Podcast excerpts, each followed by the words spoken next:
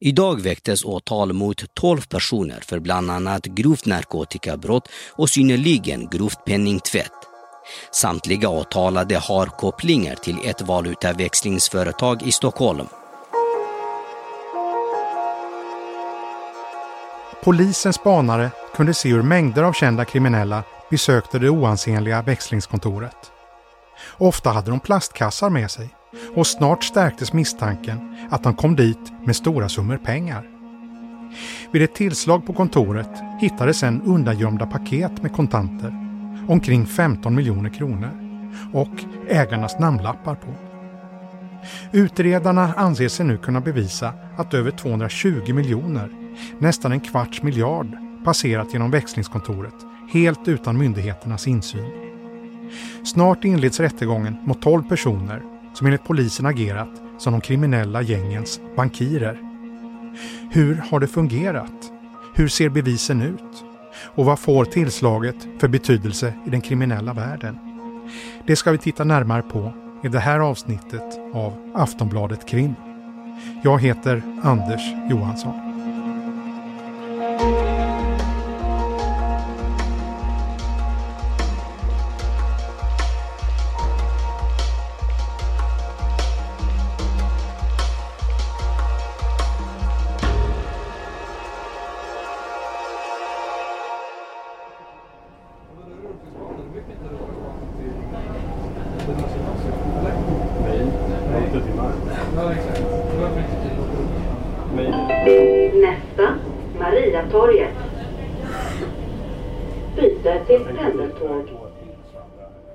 Här avsnittet börjar vi i kvarteren runt Mariatorget på Södermalm i Stockholm. Det är i mitten av juni och för en del har semestern precis börjat. Klockan är lite efter två på eftermiddagen. Det är varmt, kvavt och åskan hänger i luften. En del av er som lyssnar är säkert bekanta med det här området i Stockholm. Men för den som inte varit här kan det beskrivas som själva hjärtat av Södermalm. På sätt och vis är de här gatorna en exakt kopia av den nidbild som ofta sprids om den här delen av Stockholm. Surdegsbagerier, butiker med vintagekläder och en barista i vartannat hörn.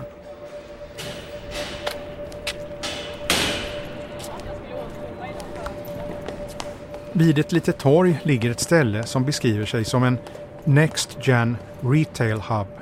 Och på deras fönster kan man läsa att de ägnar sig åt coworking, pop-up space, podcast, seminarium och workout. Men eh, vi är inte här för att besöka dem. Vi är här för att berätta om en annan verksamhet som utgått från en liten lokal i närheten av torget. Ett kontor som minst sagt stack ut i storstadsidyllen. Vi återkommer snart till vad de ägnade sig åt.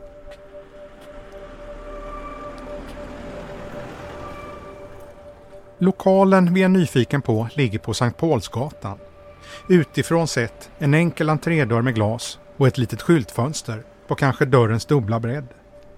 Tidigare satt en blå markis här som skydd för solen och skydd från insyn från husen mitt emot.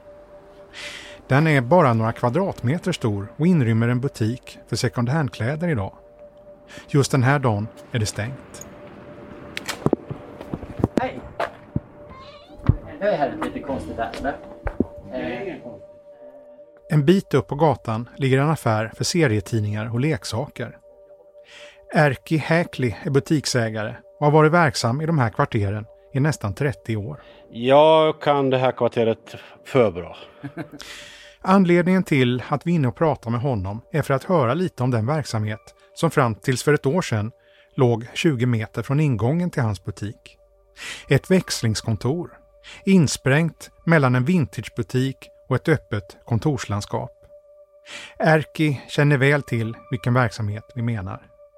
De var väldigt trevliga och eh, tillmötesgående och jag tyckte själv att det var trevligt att det fanns ett sånt där ställe. Därför att de tog bara halva priset jämfört med bankerna när man betalade räkningar och eh, så kunde jag alltid gå dit och växla, eh, växla sedlar till mynt om jag hade problem med växel och sådär.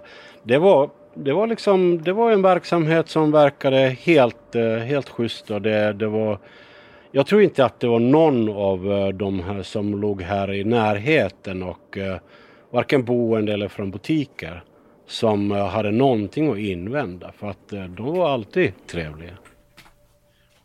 Enligt Erke Häkli fanns det egentligen ingenting med själva växlingskontoret som verkade märkligt, som han såg.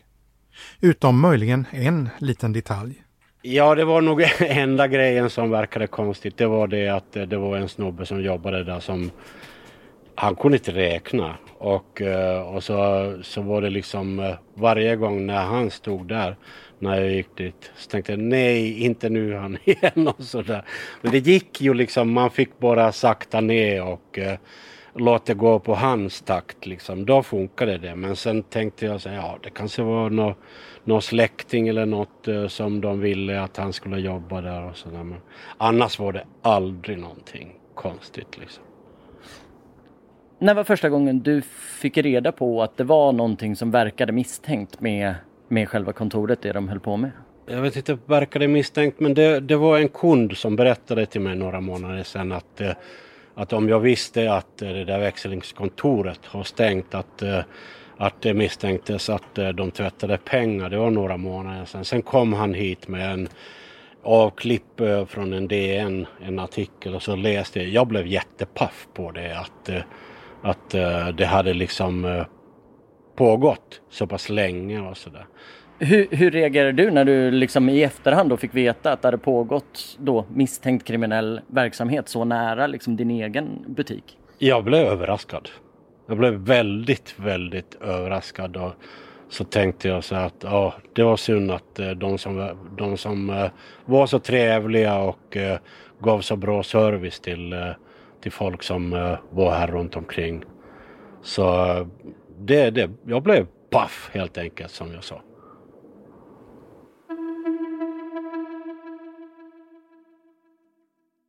Det här avsnittet handlar alltså om ett växlingskontor med namnet World Exchange. Kontoret, placerat mitt på Södermalm i Stockholm, öppnade 2011 efter att Finansinspektionen gett grönt ljus. Enligt den egna beskrivningen skulle kontoret, förutom växling och internationella transaktioner, även erbjuda betalning av räkningar. Redan året därpå kom de första signalerna om att något verkade konstigt med verksamheten. Men det skulle ta lång tid innan det hela ledde till någon faktisk utredning. Precis, förundersökningen har pågått sedan sommaren 2019. Det här är Magnus Solén som är polisens utredningsledare i ärendet mot World Exchange. Han ska få hjälpa oss här i avsnittet att berätta hur polisen avslöjade att ett litet växlingskontor på de finare delarna av Södermalm egentligen var ett nav för en rad av Stockholms tyngsta kriminella. Precis som han sa så inleddes förundersökningen 2019 men de första misstankarna mot företaget uppstod tidigare än så. Vi backar bandet till 2012. Då syns nämligen de första tecknen på att allt kanske inte sker enligt regelboken. Företaget börjar dyka upp i olika utredningar där de bland annat agerar kontantförmedlare åt företag som misstänks ägna sig åt olika typer av brott. Under åren som följer dyker det även upp kopplingar mellan företaget och olika narkotikautredningar där misstänkta växlat till utländska valutor eller skickat pengar utomlands. Men inget av de här fallen leder till att licensen dras in, utan verksamheten fortsätter som vanligt. År 2015 kommer det en annan typ av konkreta varningssignaler. De rör egentligen inte kontoret, utan huvudmannen själv. Han har åren dessförinnan fått in stora belopp på sitt privata konto. Belopp som han inte betalat skatt för. Det rör sig om två insättningar på vardera drygt 670 000 kronor. Huvudmannen blir upptaxerad och får betala straffavgifter. Men växlingskontorets verksamhet rullar vidare.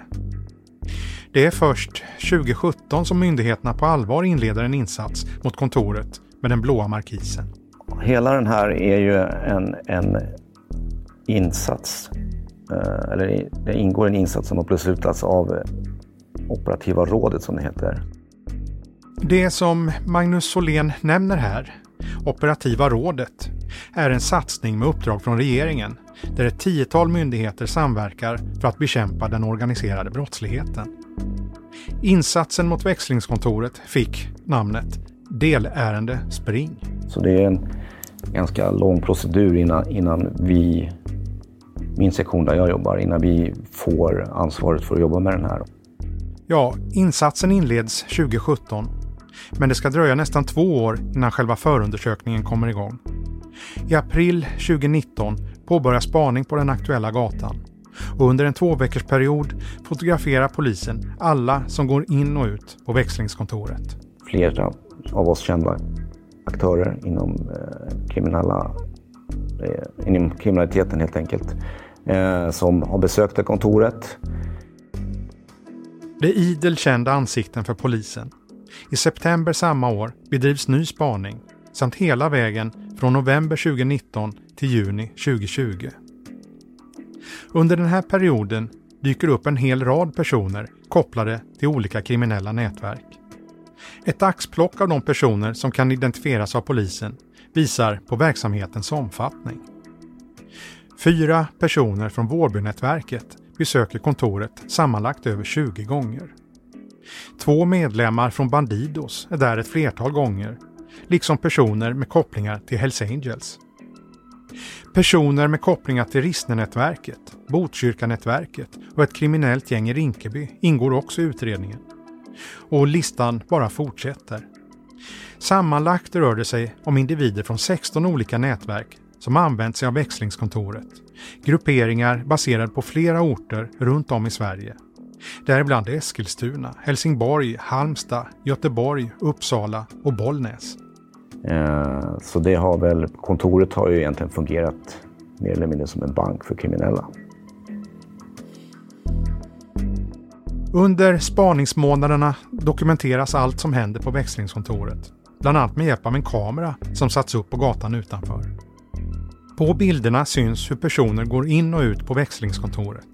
Ofta noteras att de kommer till stället med en tom plast eller papperspåse. Ett vanligt mönster är att de går in, försvinner in bakom disken och kommer ut igen lite senare och då tycks påsen vara fylld. Det motsatta syns också ofta. Att personer kommer till kontoret med en till synes full plastpåse och lämnar kort senare med klart lättare bagage. Poliserna antecknar besök efter besök och gör bedömningen att flertalet av de som identifieras är för polisen, som det uttrycks, av strategisk betydelse för arbetet mot den grova organiserade brottsligheten. Under sommaren 2020 anser sig utredarna ha tillräckligt på fötterna för att göra ett tillslag. Den 2 juni är det dags. Vid tillslaget blir det närmast bingo. Bland annat hittas stora mängder kontanter. En del av pengarna syns i det ordinarie kassasystemet. Men sen har vi, hittar vi ju då ungefär cirka 15 miljoner som låg dolt. Pengarna har gömts på flera ställen i lokalen. Bland annat så låg det eh, innanför eh, ett innertak. Hängde det på väggen där helt enkelt. I olika påsar som var märkta med, ja, som vi bedömer respektive nätverk eller kriminell aktörs namn. Själva verksamheten misstänks alltså i stor utsträckning ha handlat om systematisk organiserad penningtvätt mot flera kriminella nätverk. I samband med tillslaget grips flera personer. Polisen beslagtar övervakningsfilmer från växlingskontorets egna kameror och hittar anteckningsblock med bokföring som verkar ligga utanför det vanliga kassasystemet. Dessutom hittar polisen en olåst enkromobil. Alltså en krypterad mobil som kriminella tidigare använde i tron att de kunde kommunicera säkert. Pusselbit för pusselbit ger ledtrådar om hur verksamheten fungerat och hur de kriminella nätverken nyttjat den. De har ju kommit dit med kontanter som man helt enkelt uh, har förvarat där. Eller att man har växlat de här kontanterna i mycket stora belopp är det ju, eh, till euro. Eh, eller så har man fått hjälp med att helt enkelt att man har kunnat flytta de här utomlands eh, via det här växelkontoret genom ett, ja, ett informellt system som heter, brukar kallas för Hawala. Det finns ju många namn på det här. Just Hawala kommer vi återkomma till senare i avsnittet. Men sammanlagt rör det sig om väldigt stora summor pengar som gått genom växlingskontoret. Det handlar om drygt 220 miljoner kronor. Alltså nästan en kvarts miljard som kommit från brott eller brottslig verksamhet som de kriminella fått hjälp att dölja och tillgodogöra sig under ett och ett halvt år. Eller det är i alla fall så mycket pengar som utredarna anser att det går att bevisa i åtalet. Och då bedömer vi även då att vi liksom inte har... Vi har ju hittat dokumentation hur man har så att säga bokfört det här vid sidan om, som en sorts svart bokföring. Men eh, vår bedömning är att vi inte alls har all den i beslag, den bokföringen. Så vi bedömer som att det är, vi saknar en hel del av den här bokföringen. Så förmodligen misstänker vi att det är betydligt mer pengar än de här som har slussats här.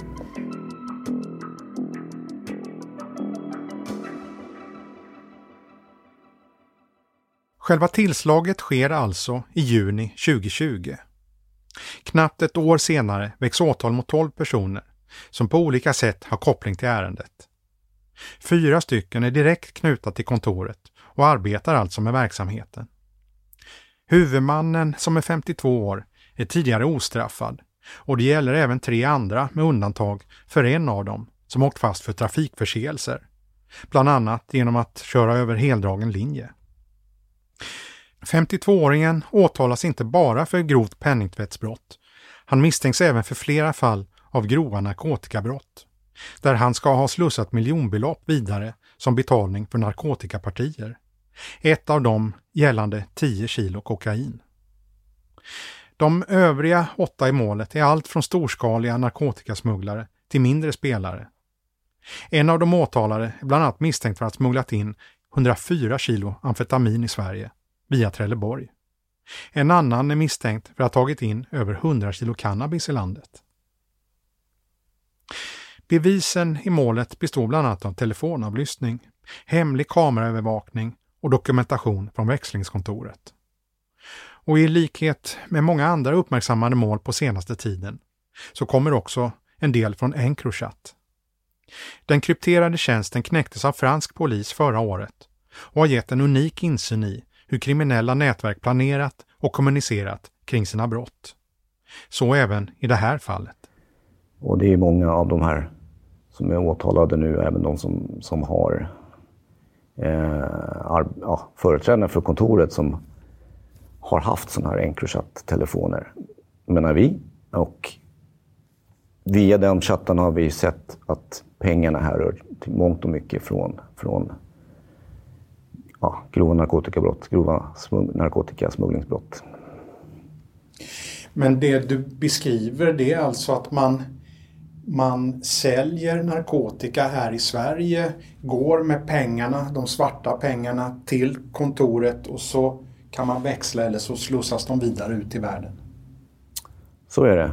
Eh, det har även förekommit fall där vi har sett att man ja, du betalar för narkotikan via att lämna in dem på det här kontoret. Och liksom, eh, vid, vid tillslaget så hittade vi ju cirka 15 miljoner som liksom låg vid sidan om bolagets ordinarie pengar, om man får kalla det så, som, som var uppmärkta. De låg ju dolda, i dolda utrymmen inne på det här kontoret. De var ju uppmärkta med olika smeknamn. Så då, då kan det till exempel gå till så att, menar vi då, i vår bedömning, att, att någon som har köpt narkotika av någon betalar för den genom att helt enkelt lämna in pengar och, och säga ett, ett av de här smeknamnen. Och sen så förvarar man dem då i, i respektive eh, kontantdepå helt enkelt.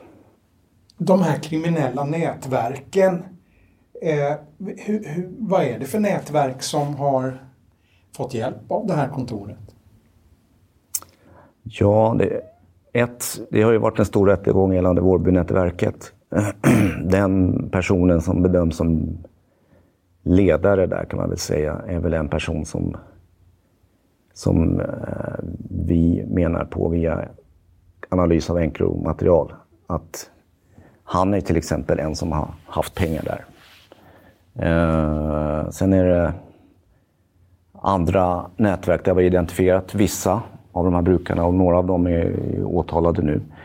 Man kan väl säga att det är dels, om man säger Vårbynätverket då, men även då tycker vi eh, att det är mera, kanske, att man kan bedöma dem mera som åt eh, de här organisatörerna eh, som tar in större narkotikapartier och säljer de partierna till de här uh, olika gängen som finns i våra utsatta uh, områden. Så det är väl kanske liksom en, en, till mångt och mycket en, en nivå över det, de gängen helt enkelt. För tidigare i polisens tillslag, vad man har förstått, så har det ju mest handlat om de som är på gatan och härjar så att säga, inte de som sitter i toppen. Men nu är det annat här. Ja, jag bedömer de som åtalas nu, det är 12 stycken som åtalas. Förutom de som, som man kan koppla direkt till kontoret som alltså har varit, jobbat där eller har varit företrätt kontoret så är det ju, jag skulle säga att det är på alla nivåer. Det är allt från, en, från organisatörer som finns både utomlands och ner till eh, mera rena, ja, om man får kalla dem springpojkar helt enkelt.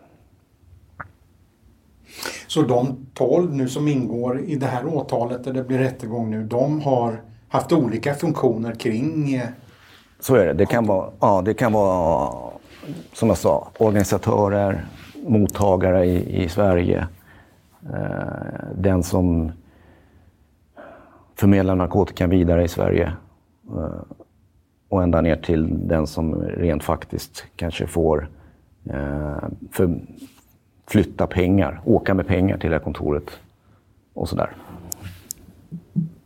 Du berättar att ni hittade stora summor pengar, kontanter i lokalen som var undangömda. Vad, vad säger de på kontoret om det här? Ja, vad säger de? Det är, en del säger ingenting. Uh, sen är det väl liksom, det, det, det, är väl egentligen, skälet till det är väl att det egentligen är platsbrist. Kan man, har vi väl fått ibland i förhör. De har inte plats i kassaskåpet? Nej, precis. Hur, tyck, hur, hur klingar det i dina öron? Ja, det låter ju väldigt konstigt helt enkelt, måste jag säga. Varför är det viktigt att slå mot den här verksamheten? Eh, mycket av kriminalitet har ju liksom en, finns en drivkraft och det är ju att tjäna pengar. Så kan man slå mot den här typen av verksamhet som mer eller mindre fungerar som en spindel i nätet för det här så, så förstör man väldigt mycket. För dels har vi tagit ganska mycket pengar i beslag, så man blir av med det. Men sen är det även liksom att vi, det har förstört möjligheterna för, för hela ja, narkot eller inte hela, men för stor del. Vi, vi, tror att vi har förstört en hel del av möjligheterna för eh, en hel del som håller på med narkotikasmuggling och liksom kunna eh, för, ja, helt enkelt få runt, snurra runt sina pengar, brottsvinsterna som kommer från, från den. För det är, den här typen av verksamhet är liksom helt nödvändig för att det, för narkotikasmugglingen ska fungera. Och 200 miljoner, det är ju som sagt stora pengar. Men är det från vilken region kommer pengarna? Är det från hela landet eller är det mest Stockholm eller vad? Det är eh, vår bild att vi har nog, vi har ju eh, bland de åtalade nu så har vi även, vi har mestadels från Region Stockholm, men vi har även personer baserade i till exempel i Skåne och, ja, så det, är en, det här kontoret har varit viktigt, viktigt för organiserad brottslighet i hela landet, i min bedömning.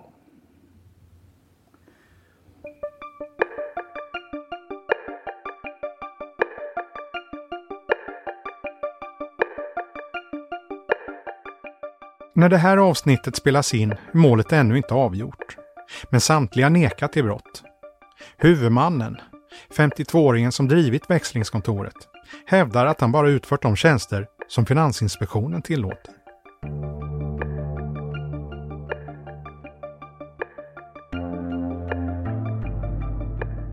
En central pusselbit i det här målet gäller ett betalsystem med namnet Hawala, som vi nämnt tidigare. Ordet betyder överföring på arabiska.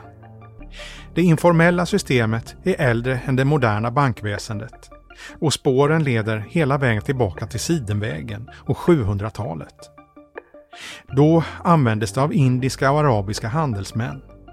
Men sedan slutet av 1990-talet har det kommit att användas allt oftare av ljusskygga verksamheter.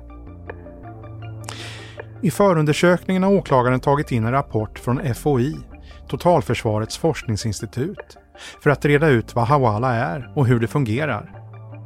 Eftersom systemet spelar en så viktig roll i målet är den värd att stanna vid ett tag.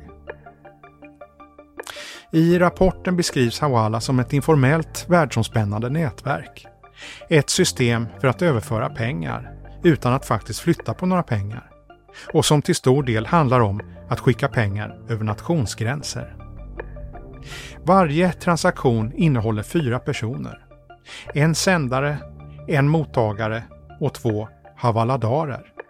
En typ av betalningsförmedlare eller mellanhänder. Systemet fungerar så här.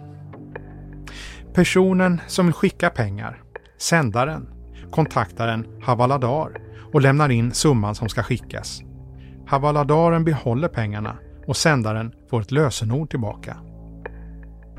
Samtidigt tar förmedlaren kontakt med sin motpart, alltså en annan havaladar i det land dit pengarna ska skickas. Förmedlare 1 meddelar förmedlare 2 hur stor summa som ska utbetalas och vilket lösenord som gäller för att få ut pengarna. När det är gjort kan sändaren skicka sitt lösenord till mottagaren, alltså personen som ska kunna ta ut pengarna. Och den kan därefter gå till förmedlaren i sitt land och få ut samma summa som satts in. De inblandade förmedlarna tar ut en avgift för sina tjänster och de löser sedan sina skulder till varandra på olika sätt. Fördelarna med systemet är att pengarna aldrig behöver skickas fysiskt. Det är kostnadseffektivt och överföringarna går snabbt. Och betraktas som säkert av användarna. Nackdelarna för samhället är att överföringarna sällan dokumenteras, vilket bokstavligt talat gjort det till en guldgruva för organiserad brottslighet. I FOI-rapporten beskrivs hur systemet nyttjats av både terrororganisationer och kriminella nätverk sedan 1990-talet och att det citat identifierats som en stor utmaning inom terrorfinansiering och organiserad brottslighet. Det bristfälliga pappersarbetet gör att det lätt kan användas för att finansiera brottsliga organisationer och för att tvätta pengar. Rättsväsendet har länge försökt hitta sätt att komma åt problemet.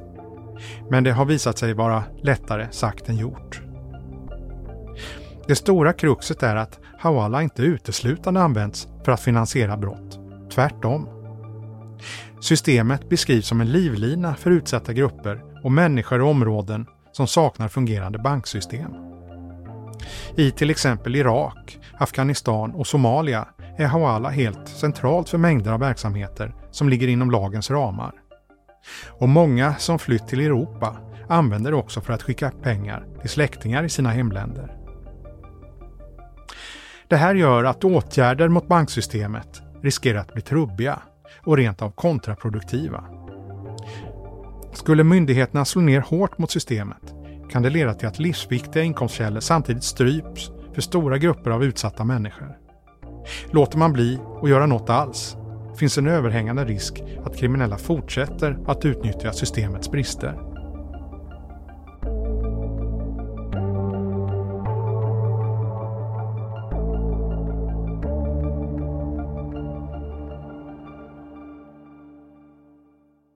Hur ska myndigheterna egentligen göra för att komma åt det här? Hallå Pia! Vi ringer upp Pia Bergman, expert på ekonomisk brottslighet vid Skatteverket.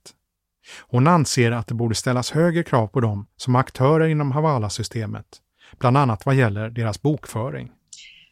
Ja, det där är, det där är ett system som är en svår nöt att knäcka. För att det är ju som så att, att världen är ju väldigt ojämlik och det ser väldigt olika ut. Och ibland så behöver pengar transporteras, eller värden motsvarande pengar transporteras från till exempel Sverige till någon liten by där det inte finns några bankväsenden. Och då funkar ju Havala på ett alldeles utmärkt sätt. Men precis som du också säger så är ju detta helt spårlöst. Det lämnar inga spår och man kan inte se, följa pengarna som på ett konto. Och det som, det som jag tycker då är oroväckande det är ju det att det finns ju inga möjligheter för, gå in, för myndigheter att gå in och kontrollera det hela. Så att det borde vara tuffare krav för de som använder sig av den här typen av betalningsförmedling att eh, spara och eh, spara uppgifter om vem som är kunder, hur detta sker. Alltså som, en, som bokföringslagen egentligen säger och att det ska sparas på ett sätt som också går att tydas i det landet där man bedriver sin verksamhet. Och om man inte kan det så tycker jag att kraftiga sanktioner skall utdömas och verksamheter ska på något sätt kunna stängas ner. För vi vet också att pengar transporteras inte bara för att stödja andra fattiga människor som är utsatta på något annat ställe, utan det här, på det här sättet som pengar transporteras för att finansiera terrorism, för att finansiera annan kriminell verksamhet. Och det måste vi bli bättre på att kunna stoppa. Behövs det rent av ett förbud i Sverige? Alltså jag tror inte man kan förbjuda Havala, men man kan sätta kanske andra krav att när, på, på redovisningen och att lära känna din kund och veta vem kunden är, identifiera vem kunden är, vart pengarna, eh, vart pengarna kommer ifrån och vad pengarnas slutstation är.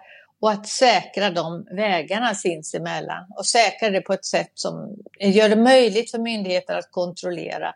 Och också gör det möjligt för myndigheter om man brister i den delen också stänga ner verksamheten och utdöma kraftiga sanktioner så att, att det, man verkligen har, har en anledning till att följa de riktlinjer som finns. Men det är faktiskt så idag att det finns inget krav på att man har någon ordentlig bokföring. Det, det, är, det där är ju lite knepigt. Det finns ju ingen riktigt vettig sån lagstiftning och jag vet ju när Skatteverket har varit inne och kontrollerat en del Havala-verksamheter så får vi in eh, Eh, vad ska vi säga, vi får in underlag till transaktionerna men som inte går för oss att, att tyda eller förstå. Eh, och då är det inte bara av språkskäl, även om det är en del av det. Utan helt enkelt att vi kan inte följa transaktionerna från en person till, till slutdestinationen. Och vi kan inte heller titta på hur mycket pengar totalt som rinner igenom en viss verksamhet. För det, hela verksamheten är uppbyggd på ett helt annat sätt. Just det. Men då pratar vi här om det är upp till lagstiftaren att se över här.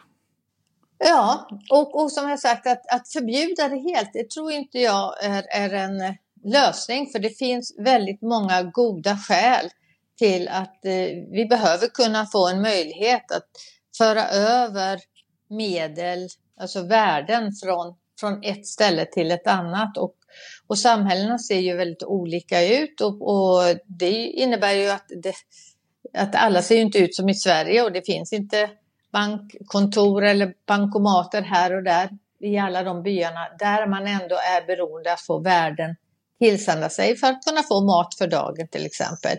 Så det måste ju, det måste ju på något sätt finnas en möjlighet för det också, för det, det goda som Havala medför, men samtidigt sätta stopp för det onda som Havala gör i form av möjligheter att föra över kriminella pengar, pengar till terrorism och liknande. Och då måste man kunna säkra hela flödet på var pengarna kommer ifrån som sätts in, till vart pengarna har som förslutdestination.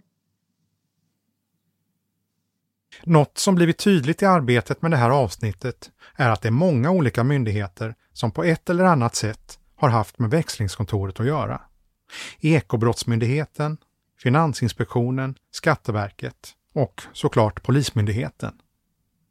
Och när man tittar tillbaka på hur det hela hanterats går det att uppleva myndigheterna som lite osynkade. Enligt Pia Bergman på Skatteverket finns det uppenbara hinder för att myndigheterna ska kunna samverka på det sätt som de fått i uppdrag av regeringen att göra. Vissa saker, när vi verkligen vill samordna oss myndigheter emellan, så har vi inte möjlighet att göra det på ett effektivt sätt på grund av nuvarande lagstiftning. Eh, det finns ett regeringsuppdrag till exempel till åtta myndigheter att, att jobba mot arbetsmarknadskriminalitet. Och det kanske inte låter så himla sexigt men att jobba mot arbetsmarknadskriminalitet det innebär att myndigheterna ska se till att företag kan konkurrera på lika villkor, schyssta villkor. Och att eh, det inte finns kriminella aktörer som då tar över dem. Och att det i förlängning kan leda till att företagen också kan erbjuda schyssta arbetsställen, vilket i sin tur ger ju en annan möjlighet till, till framtiden att agera inom de kriminella nätverken. Men när man jobbar mot arbetsmarknadskriminalitet myndigheter emellan så fungerar inte det för att vi får inte dela den information som vi behöver dela för att kunna jobba tillsammans. Den myndigheten som jag representerar, Skatteverket, vi får inte lämna ett enda tips till de andra myndigheter på grund av gällande sekretess. Samtidigt är vi den myndigheten som sitter på bäst information om vilka företag som vi borde agera mot och borde också vara ute och träffa och besöka. Just det, men då betyder det att eh, det är nästan ogörligt att, samverka på ett effektivt sätt om, om sekretessen sätter hinder i vägen? Jag skulle inte säga ogörligt, men det är väldigt klumpigt och mindre effektivt. Och, och vi myndigheter behöver finnas ute att jobba tillsammans på ett effektivt sätt. Dels mot vissa aktörer och fenomen som är direkt kopplade till den organiserade brottsligheten. Men också för att eh, stödja de företagen som försöker kämpa trots att den organiserade brottsligheten finns i dess närhet och ger sig in på deras marknader. Så att de finns kvar och kan vara det samhällsstöd som seriösa företag faktiskt är. Men sen så behöver till det både du och jag göra vårt också. För att vi kan inte bara göra, säga att myndigheter ska göra allt. För då, då får vi ett samhälle som jag tror varken ingen av oss vill ha med totalt myndighetsövervakning.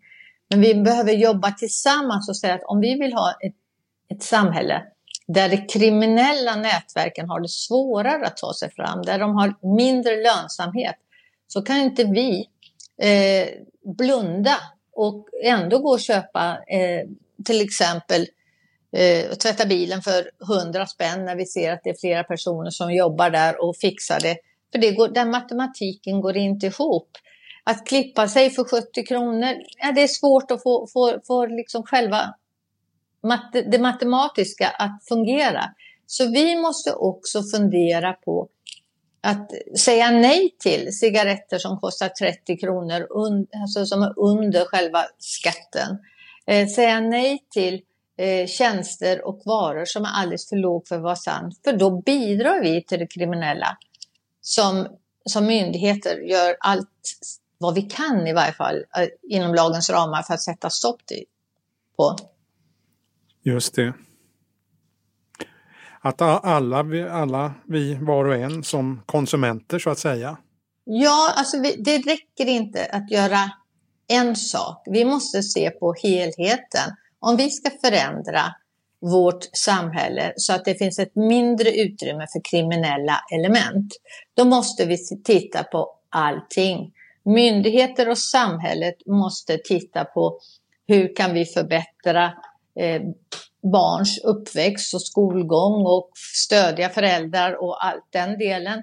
Eh, vi måste också titta hur vi myndigheter när det uppstår problem kan gå in och underlätta så att det inte sker igen. Men också sätta stopp för det som är. Och det måste vi göra riktat mot ibland områden, många gånger personer och gäng. Och vi måste också göra det Eh, för att stödja de företagen som är i grå den grå sektorn så att de inte ramlar in i den svarta. Men vi måste göra det tillsammans med samhället, tillsammans med branschorganisationer, tillsammans med fackliga organisationer och tillsammans med dig och mig. Det är först då när vi får hela samhället att hålla ihop och hela samhället säga så här, nej, vi går inte med på att vi ökar inflödet av kriminella aktörer på, på vår marknad och i vårt samhälle.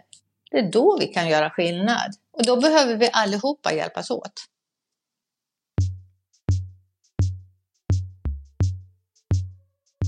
När vi jobbar med det här avsnittet åker poddens producent taxi en kväll och hamnar i samtal med chauffören. Han har bott i Sverige i några år men kommer ursprungligen från Somalia. Efter ett tag kommer samtalet in på Hawala-systemet och det visar sig att taxichauffören använder det varje vecka. Han berättar att han skickar pengar till sin familj som är kvar i Somalia. Han beskriver systemet som helt livsavgörande för hans släkt. Han säger att hans mamma och pappa gav allt för honom när han var liten och nu är det hans tur att hjälpa dem. På fråga om problemen med systemet säger han att han känner till dem, men att det skulle vara katastrof om det stängdes ner. Och han frågar sig varför i så fall några få kriminella ska få förstöra för så många andra som jobbar och sköter sig.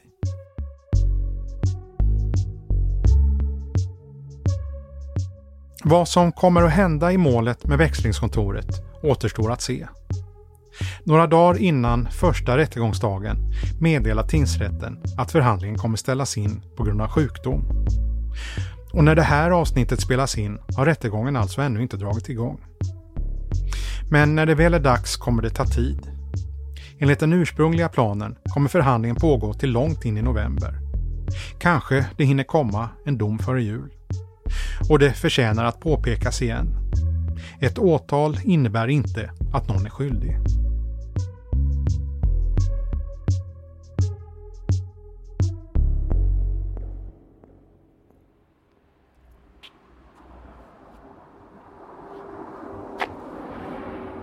På Sankt Paulsgatan syns inga spår av den misstänkt kriminella verksamheten som låg här för ett år sedan. Den blå markisen är borta, liksom den lilla skylten med firmans namn. I seriebutiken längre upp på gatan är det lugnt. Någon enstaka kund går runt och tittar. Erki Häkli, butiksägaren som vi hörde i början av avsnittet, har följt historien om växlingskontoret i medierna med stort intresse. Han tycker samtidigt att det finns andra aktörer, utöver hans granne på gatan som fått stänga igen, som förtjänar att uppmärksammas. Jag tycker att eh, i jämförelse till e-, exempel vad Swedbank gjorde, att de tvättade 17 miljarder och de fick ju inga konsekvenser så man, eh, man borde ju sätta det här till eh, sammanhang och tänka på att, eh, hur det funkar. Men, men vadå, bankerna går ju alltid fria.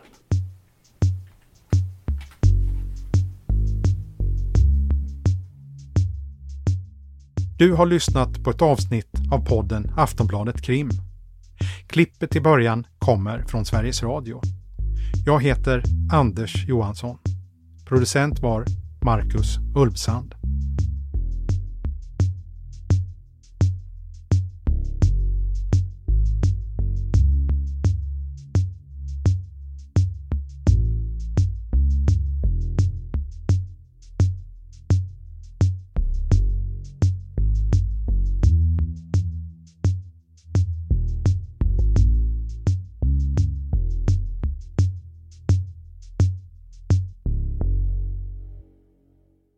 Du har lyssnat på en podcast från Aftonbladet.